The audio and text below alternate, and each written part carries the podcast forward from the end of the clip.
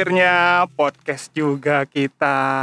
Ngapain ya? Jujur nih, ini masih agak grogi ya. Tapi dalam hidup selalu ada yang pertama nih.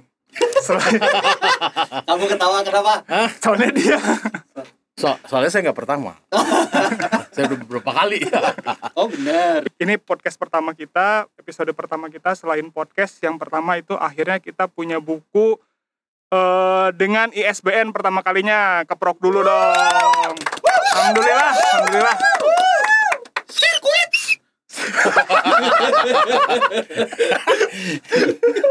Sing swing.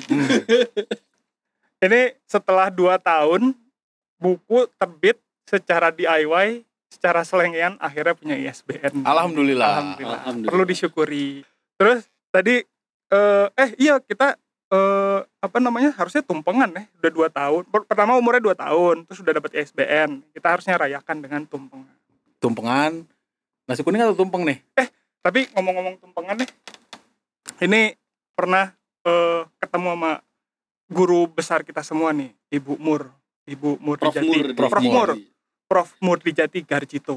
Ini beliau selalu ngingetin kalau makan tumpeng ternyata itu salah kaprah kita kalau motong atasnya. Jadi harusnya tuh makannya itu digarok. Lain digarok, Oh, oh, gar- Diambil Dicungkil. oh.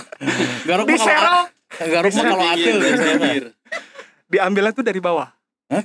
Jadi selama ini tuh salah kita ngambil dari motong terus diambil. Soalnya jelek kalau dipoto kita. Oke, oh kita iya. mau ambil ngambilnya dari pinggir nggak kelihatan di foto. Jadi Kepentingan. Iya, tebas atas tuh. Iya tuh bahasa tebas. Tebas atas. Tebas atas gali bawah. Jadi juga main Jadi, uno. Jadi kayak main uno dong. Eh, Jadi gali bawah berarti ya? Ya, Bukan tebas digali atas dari ya? bawah karena ceritanya tuh kalau yang atas itu melambangkan eh, Tuhan. Jadi kalau kita ini Tapi Kita- kalau kita tebas tebas bawah ya, tebas bawah. Kalau kita gali bawahnya atasnya runtuh. Nanti Tuhannya Nah ngomong-ngomong soal tumpeng nih, kan kita punya banyak makanan di Indonesia. Kalau kita lagi pengen masak tuh, inspirasinya dari mana nih teman-teman semua? kayaknya kalau kalau tum apa ya? tadi tadi balik balik lagi ke tumpeng ya. Kita Hmm. kalau kalau misalnya ngomongin tumpeng itu kalau cari eh, resepnya tuh di mana gitu.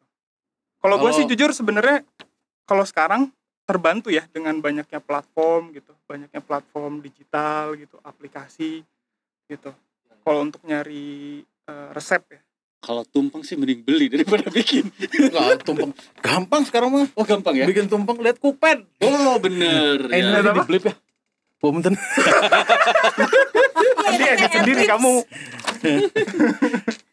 Ya, ya. Tapi ngomong-ngomong terkait buku resep, resep nih. resep eh, dulu saya pernah main ceritanya lagi waktu itu jalan-jalan ke Leiden. main mulu nih Terus eh, di sana akhirnya berkesempatan untuk lihat buku resep pertama dengan bahasa Melayu. Buku resep di Indonesia dengan bahasa Melayu. hmm. judulnya Judulnya Koki Bica. Wah. bica macak Soalnya tulisannya K O K K I B I T J A. Koki Bica gitu. Oh, koki bija. Iya, Bica. Koki Bica. itu di Leiden adanya Iya. di Leiden Jadi kitab masakan makanan India. India itu maksudnya Indonesia gitu. oh serius? Hindia Hindia Hindia Oh, gitu Hindia. Tapi tulisannya India. India oke Nah. di dalamnya Di dalamnya eh, banyak makanan Indonesia. Hmm. dan itu sebenarnya buku yang dibikin untuk keluarga-keluarga eh, Belanda yang punya juru masak orang Indonesia. Jadi dikasih buku itu. Jadi Namanya bica lu nggak nggak tahu ya kenapa? koki bisa. Jadi bisa bisa, bisa maksudnya. jadi eh bener bica gitu. macak bica macak Hmm, Koki bica itu. Macam. itu tuh tahun berapa ya 1857 gitu kalau berarti salah tiga eh 200 tahunan ya dua Oh. abad loh Gila seumur sama kucing gue nih. aing mau iya iya iya kayaknya gitu nah dulu wah mau ngebuka kertas aja greget, eh, gregetan ge- apa gemeteran gitu soalnya kanan kirinya dikasih bantal buku itu biar nggak Hmm. rusak oh saking ininya ya saking apa rare terus udah karena 200 tahun lah iya Bukan. Kasih bantal udah pengen istirahat. udah gak mau dibuka lagi. Tahunya saya nemu di Palasari masih ditumpuk-tumpuk serius beneran enggak enggak, enggak. oh Waduh. kirain saya langsung kepikiran Oh, udah mau transfer aja gue.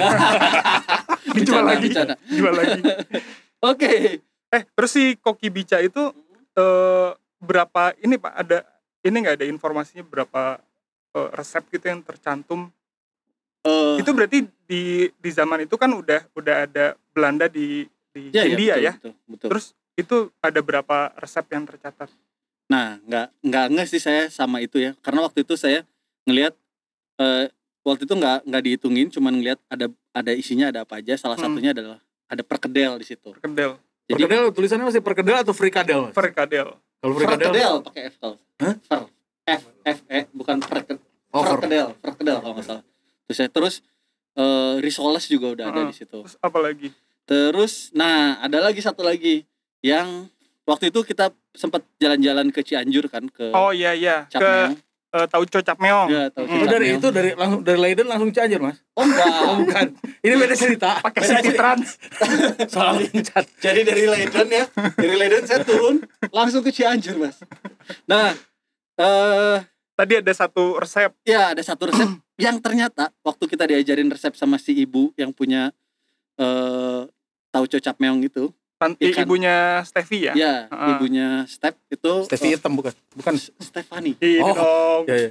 Red metal Nah. itu mah. Eh ikan cengcuan. Nah, itu tuh Oh, ada di Ternyata itu umurnya berarti setidaknya setidaknya umurnya 200 tahunan ya si resep itu. setidaknya Setidaknya. atau bisa lebih ya karena Bisa lebih ya kan mungkin bisa dia lebih. dokumenting kan Betul, betul, betul. dan Berarti saya juga tua ya. berhasil memasak itu di galeri waktu itu Wow. Galeri apa ya? Galeri apa nih? tapi nggak ada yang peduli nanti- Nanti dulu nanti dulu itu kita ngomongin galeri galeri apa? galeri baju mas ini ini nanti masih dulu. memorinya masih mengawang-awang ke dulu di MasterChef. Oh ini saya Thomas Terchef Oh, ini. bukan. Kenalin, kenalin dong teman saya. eh, tapi ya ngomongin resepsi Cheng Chuan itu ternyata pas kita jalan-jalan ke Cianjur itu ya ya ceritanya sama gitu kan eh, tentang gimana caranya dulu si tante tante Tasma itu Mm.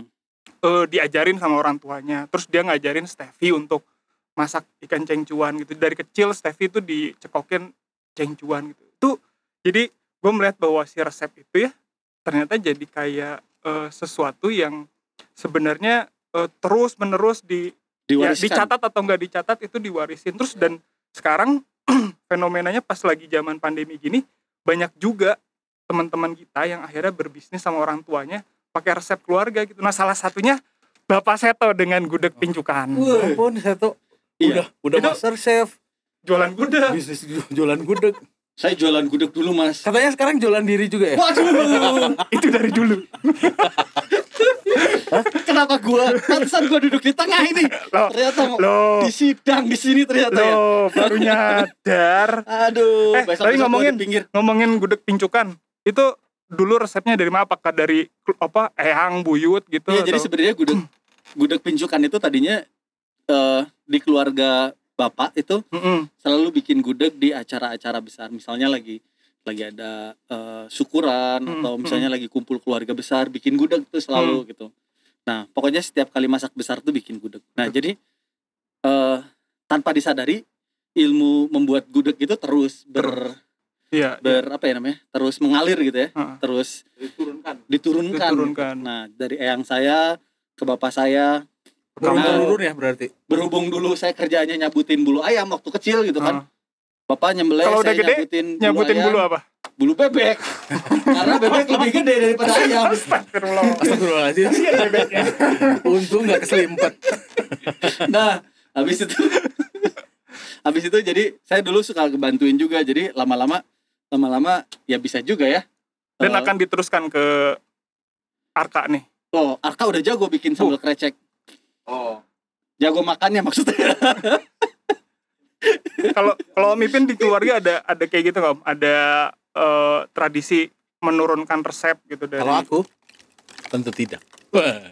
Ada dong. Kalau gua jadi di di di keluarga keluarga bokap sih terutama ya, dia eh, memang nenek gua tuh kalau ada acara gitu dia kalau masak selalu ngumpulin eh apa anak-anaknya yang perempuan termasuk eh mer kok mertua sih? Kok menantunya yang Menantu. perempuan? Hmm. menantu menantunya ngetes perempuan. ngetes. Enggak jadi yang di dapur itu cuman cewek semuanya. Oh oke. Yang cowok-cowoknya kerjanya yang kasar. Hmm. Eh apa? Amplas oh, oh ngamplas ngelas. Hmm. Ngecat rumah. Ngecat rumah. Tapi rek masak mah nya ngamplas heula aja. Apa ya? Ya yang kasar. Maksudnya ma- maknya eh, ini ibunya Atun. gitu kan. Terus ny- nyediain api gitu bikin api. Nah, dulu soalnya kita zaman prasejarah mas gitu. oh masih Oh, masih ini di- ngomongin gini, pakai tangan Oh. dikesek-kesek gitu saya ya udah lebaran dari tiga sebelum masehi. Belum ada lebarannya juga. Nah jadi eh kalau saya sih yakin kalau kalau apa kalau anak-anaknya nenek saya yang perempuan gitu tante-tante saya dan eh, termasuk ibu saya gitu ya yang menantu menantunya dia eh, pegang banget resep-resepnya dan Hmm. kalau sekarang kalau misalnya eh gue lagi kangen eh, makanan nenek gue gitu ya apa eh ada satu satu satu satu resep namanya sate lilit tapi eh, oh ya sering cerita tuh. Ah, ah. marangi tapi di dihancurin di Marangi tapi dililit gitu ah, dililitin di apa? Di, dililitin di, di- mata. Oh enggak di mata. Di situ. Di Batang. Ya di batang. Batang serai. jangan ngomong batang. Bukan batang mas itu namanya. Tangkai. Itu apa? Tusukan sate. Oh terus kan oh ini nggak Nah, pakai serai nggak pakai Nah ini serai. nggak di, nggak ditusukin tapi Modalnya. di di kepal-kepal gitu kayak Hmm. sate kayak lilitnya Bali. sate pentol. Tapi bumbunya bumbu marangi. Nah sampai sekarang tuh kalau misalnya gue nanya pengen bikin sate itu dong, nyokap udah nggak.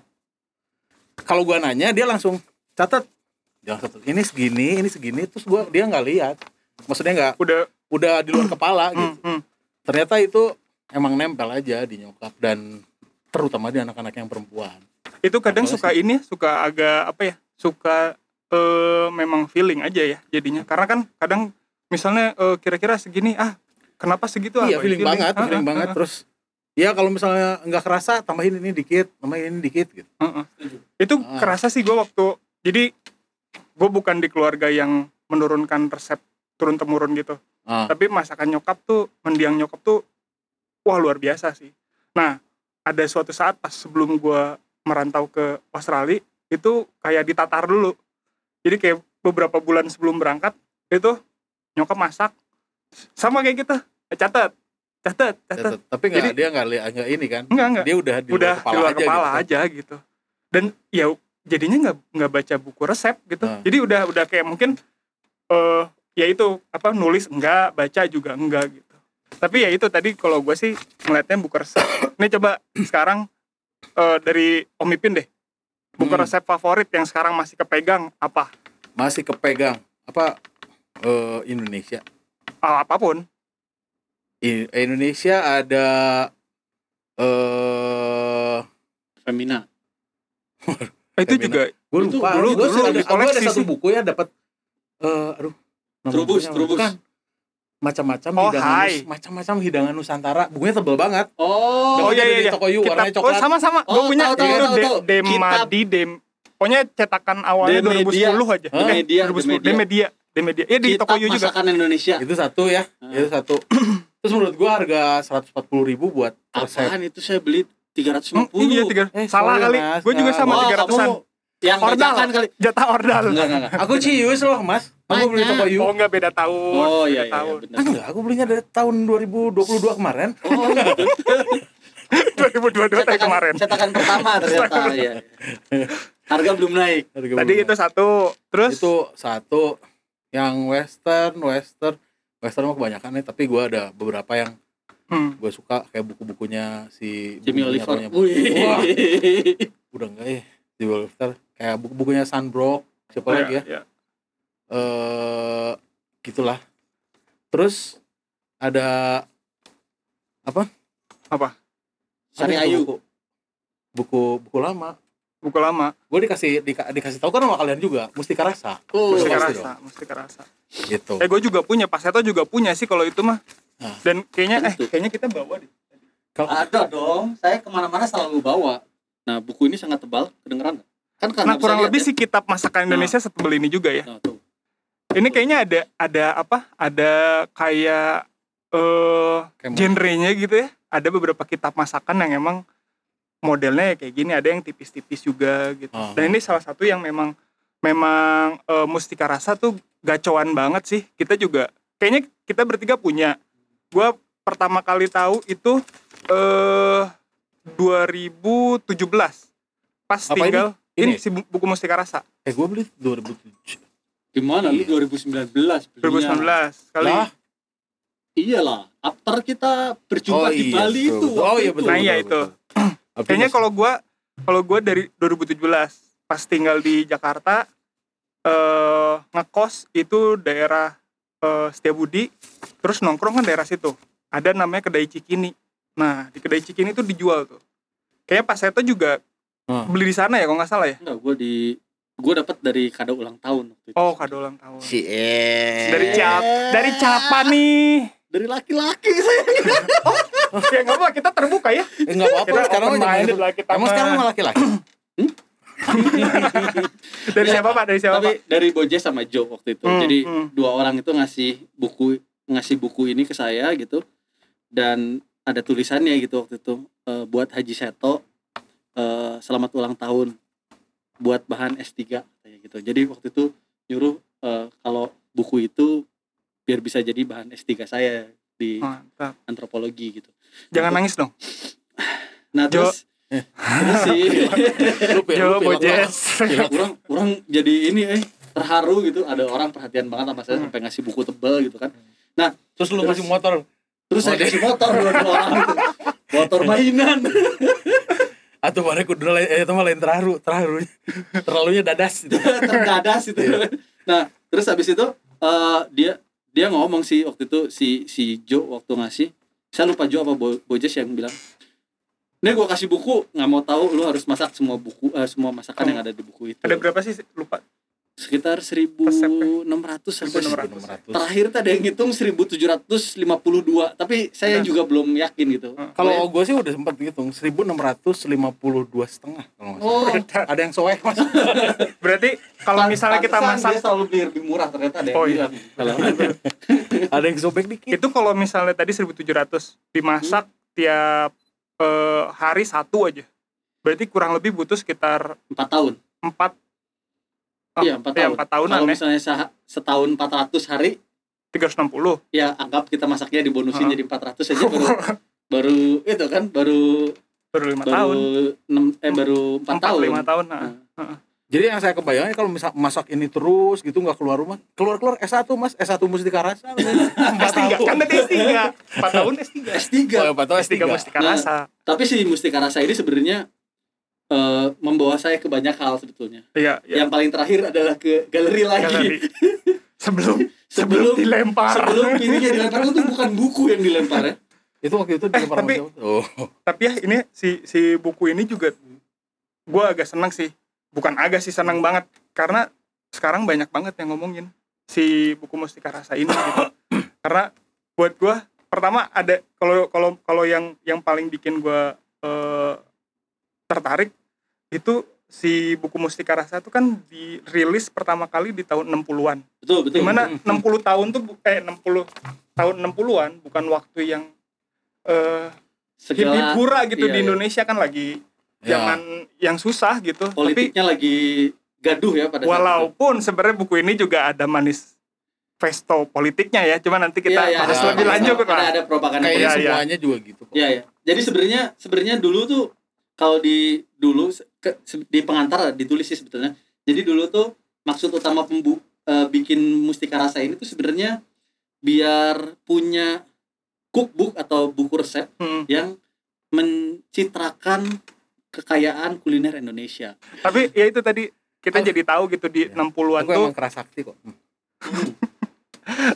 Nah, tadi ya apa namanya si si gambarannya oh 60 tuh ternyata eh orang ya ini yang bisa mereka ya belum ada seblak lah, belum ada eh, penggunaan eh, apa namanya MSG lah Iya. gitu ya. Jadi beragam sama ada jadi yang gua MSG belum ada, adanya kaldu ajam.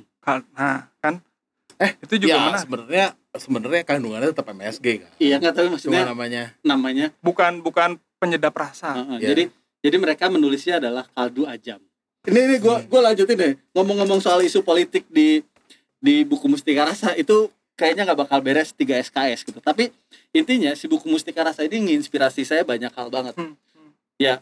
Hampir kalau lagi ngebleng-ngebleng nyari makanan di situ ada gitu. Hmm. Dan dia mulai dari kacang-kacangan, cabe-cabean, eh, padi-padian gitu terus umbi-umbian itu ada semua di situ. Itu si buku Mustika Rasa gue akui sih salah satu buku resep yang indexingnya paling gawat sih. Maksudnya gawat tuh paling bagus. Ya. di tahun itu mereka bisa jadi avant-garde gitu ya. Gimana- walaupun walaupun pas eh, pas buka kadang pas ada meleset-meleset.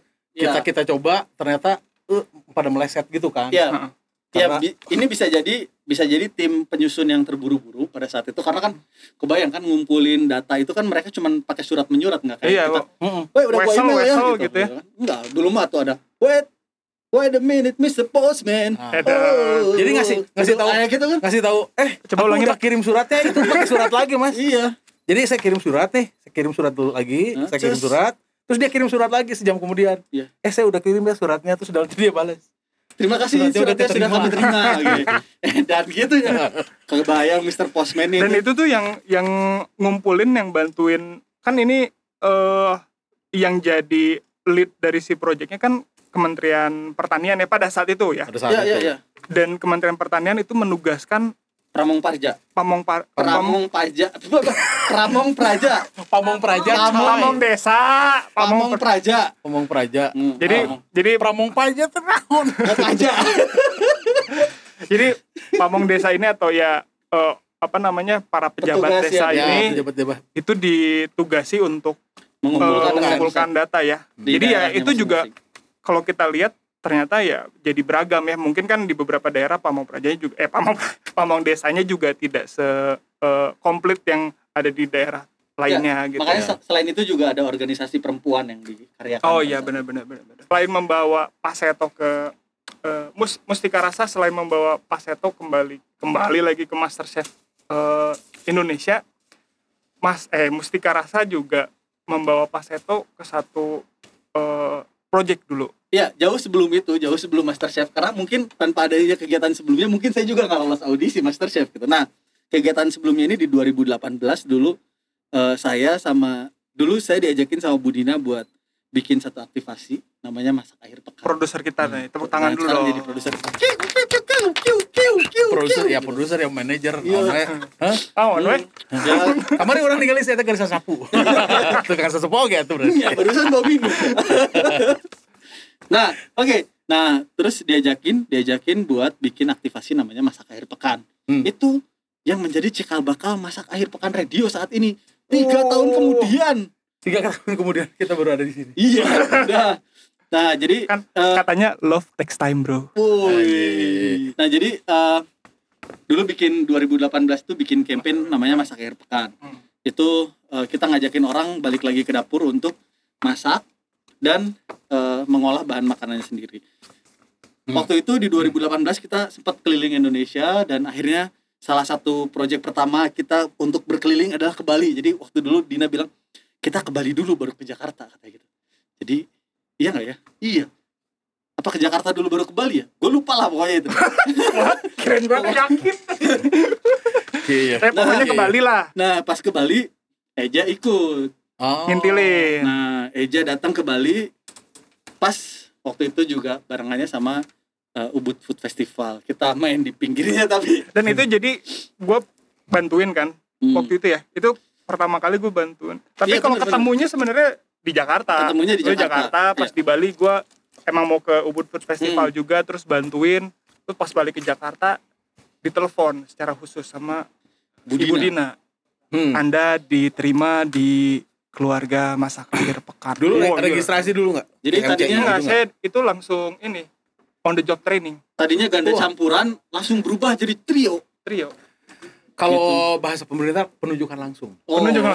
Direct Jadi saya selection. ikut tender Ya, ya, ya. betul betul betul. ini proyeknya mungkin di bawah 200 juta berarti di bawah di bawah di bawah saya, saya waktu itu langsung dari SSB soalnya jadi jadi scouting Di bawah 200 juta PT masih pinjem gimana?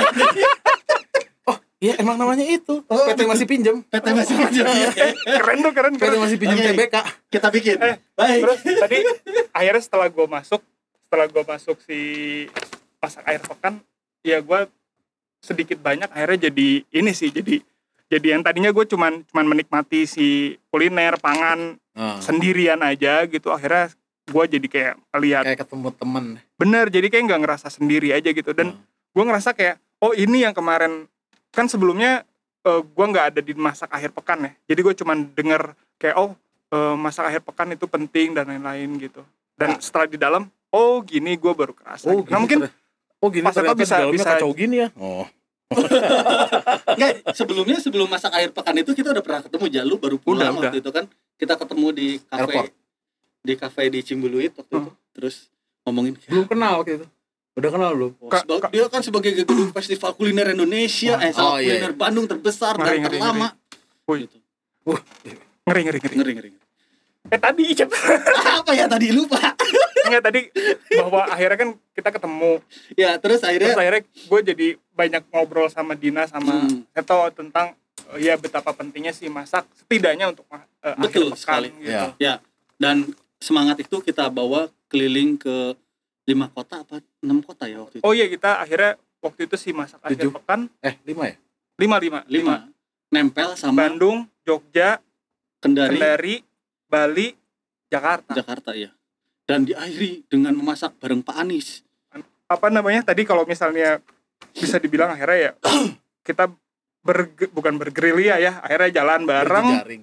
terus eh, jalan ke lima kota jadinya makin sadar sih eh, pentingnya akhirnya untuk mengetahui bahan mengetahui pangan ya. dan keberagaman Om Ipin dong kuliner Om Ipin tadi kan eh, melihat dari ini kan sebagai apa ya seorang suhu lah gitu.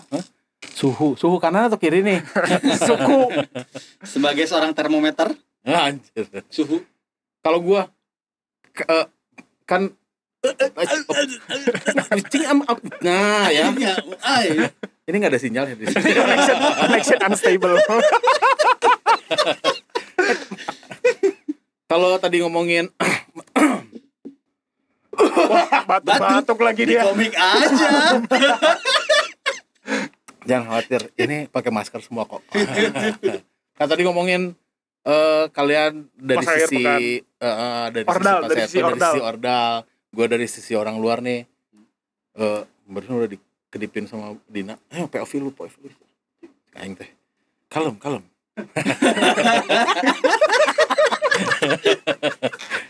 Kalau gua gimana ya? ya namanya juga episode pertama ya Oh, oh.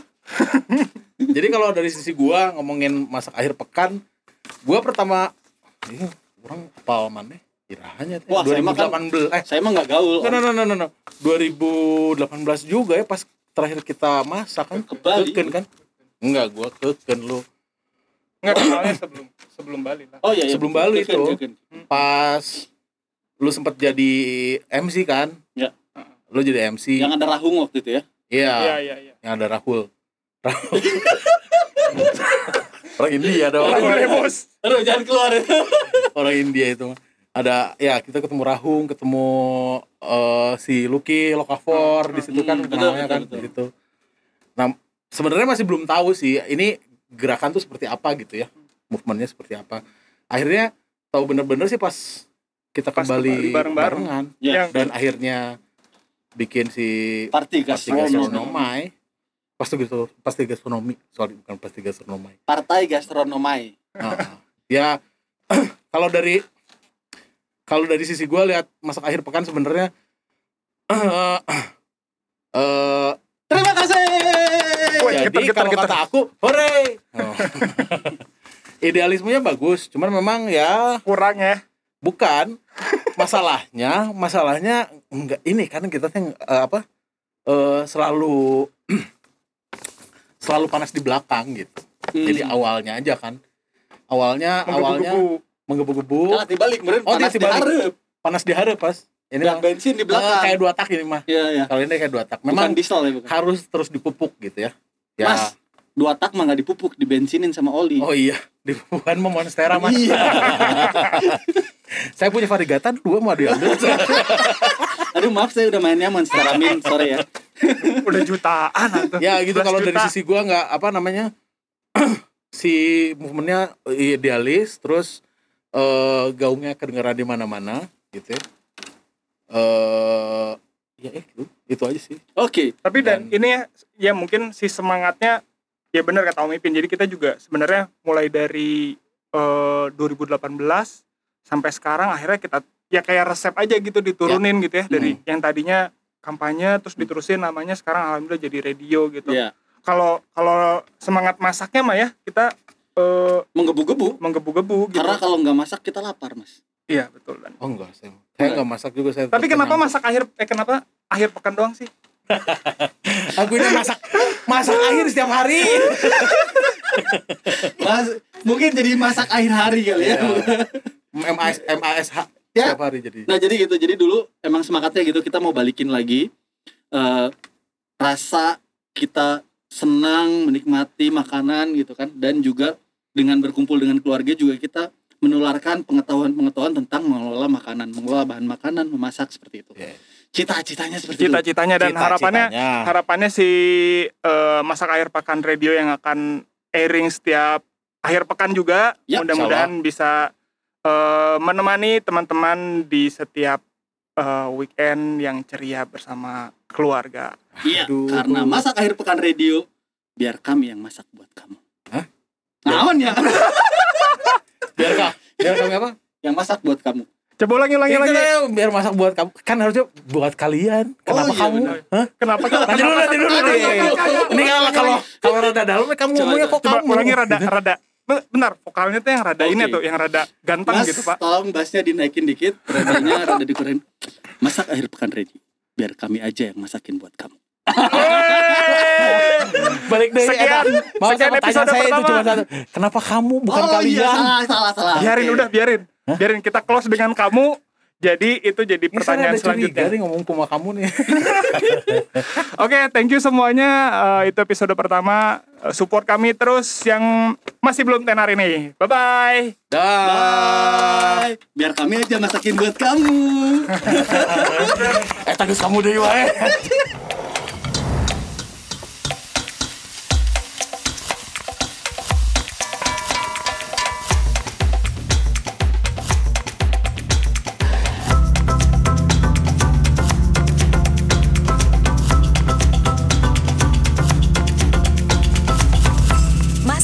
Pekan radio dari Parti Gastronomi dipersembahkan oleh Listen to the Moon Network.